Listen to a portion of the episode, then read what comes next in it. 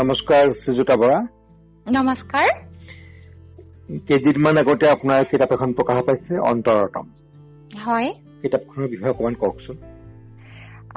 এই কিতাপখন আচলতে মোৰ ভিতৰত বহু বছৰ ধৰি আছিলেই। বিশেষভাৱে সক্ষম শিশুসকল আৰু তেওঁলোকৰ মাক দেউতাকৰ বিষণ্ন কৰুণ একাকী পৃথিৱীখনৰ বিষয়ে এই উপন্যাসখনত লিখা হৈছে। সেই পৃথিৱীখনৰ বৰ্ণনা তাৰ কাৰুণ্য এইখিনি কথা আছে। যিহেতু মই নিজেই বিশেষভাৱে সক্ষম এটি কন্যা শিশুৰ মাতৃ বিগত দহ বছৰে এই পৃথিৱীখনক মই নিশ্চয় কাষৰ পৰা দেখিছিলো।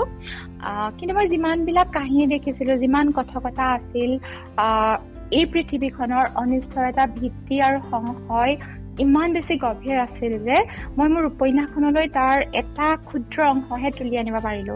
আৰু মই জানো যদিহে মই মই দেখি থকা অন্তত সকলো কাহিনী আৰু কথকতাক সামৰি ল'বলৈ গলোহেঁতেন অন্তৰতম উপন্যাস নহয় আন এখন কিতাপ হলহেঁতেন হয়তো।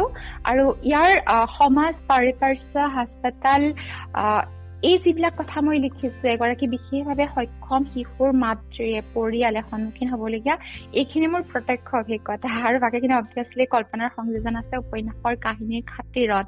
গতিকে আপোনালোকে এইখনক চেমি অট'বায়গ্ৰাফিকেল উপন্যাস বুলি ক'ব পাৰে। কিন্তু সমাজ ৰাজনৈতিক প্ৰেক্ষাপটটো ইয়াত বিভিন্ন দিশৰ পৰা আহিছে। আৰু কিতাপখনৰ কাহিনীৰ এটা আভাস পালো। বৰ্ণনা মানে নেৰেটিভ বুলি যিটো কয়। হয়। সেইটো পৰম্পৰাগত নে কিবা তাত বেলেগ আপুনি পৰীক্ষা নিৰীক্ষা কৰিছে?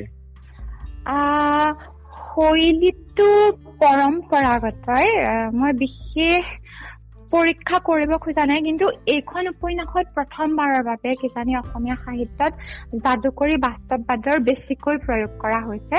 যিহেতু উপন্যাসখনৰ মই লগত মই জড়িত প্ৰটাগনিষ্ট চৰিত্ৰটোৰ লগত মোৰ চল্লিছ শতাংশ সত্তা জড়িত হৈ আছে।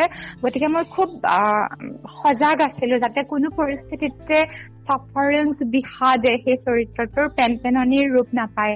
গতিকে বহু কথা মই যাদুকৰী বাস্তৱবাদৰ সহায়ত প্ৰকাশ কৰিবলৈ চেষ্টা কৰিছিলো। আৰু দ্বিতীয়তে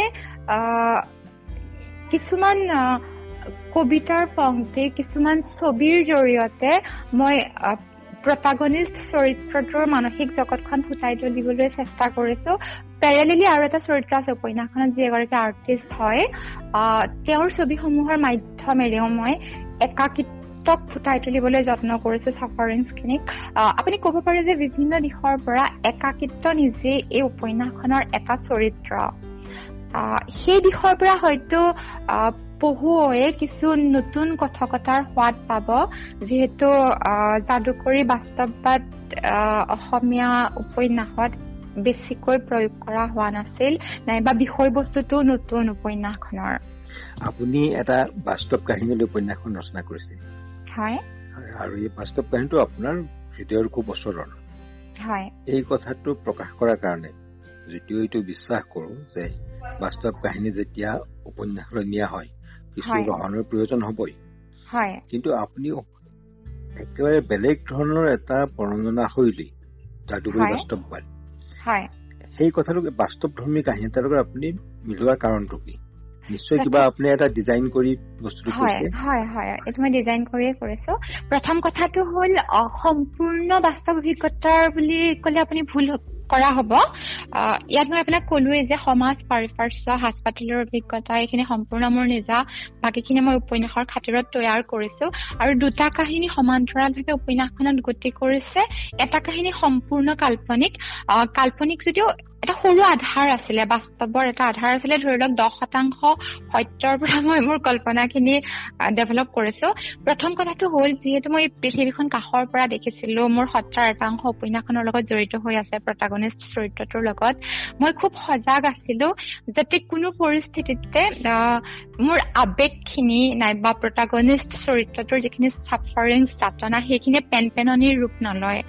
আৰু সেইবাবে বহুতো মুহূৰ্তত মই যাদুকৰী বাস্তৱবাদ প্ৰয়োগ কৰাৰ কথা ভাবিছিলো যাতে ইংগিতময়তাৰে সেই চাফাৰেঞ্চখিনি বাহিৰলৈ আহে পাঠকৰ ওচৰ চাপে।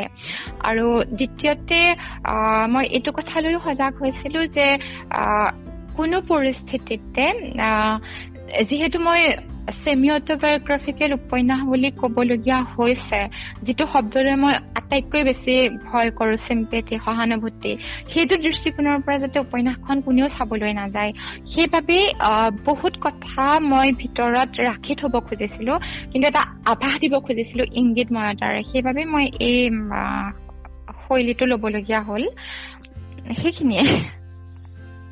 আপোনাৰ এই কিতাপখন প্ৰকাশ পোৱা আজি কেইবাদিনো হ'ল? হয়। এতিয়া পাঠকৰ সঁহাৰি কেনেকুৱা এতিয়ালৈকে? পাঠকৰ সঁহাৰিটো যিসকলে পঢ়িছে তেওঁলোকৰ পৰা যথেষ্ট ভাল সঁহাৰিয়ে পাইছো।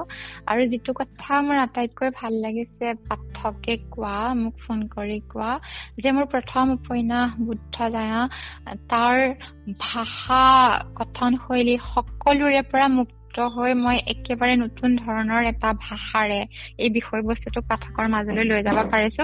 বাকীখিনি কথা নকওঁ মই নিজে সুখী হোৱা কথাটো কৈছো। আপোনাক যিটো কথাই মোক সুখী কৰিছে। সেইটো আটাইতকৈ জৰুৰী সেইটো আটাইতকৈ জৰুৰী। হয়। আপোনাৰ লগত কথা পাতি কিতাপখনৰ বিষয়ে এটা ধাৰণা কৰি ল'ব পাৰিলো। মই আশা কৰিছো যিসকলে শ্ৰোতাই কিতাপখন পঢ়া নাই তেখেতসকলেও এই কথাখিনি শুনাৰ পিছত কিতাপখন পঢ়িবলৈ আগ্ৰহ অনুভৱ কৰিব কিতাপখনৰ সকলো ধৰণৰ সফলতা কামনা কৰিছো। ধন্যবাদ।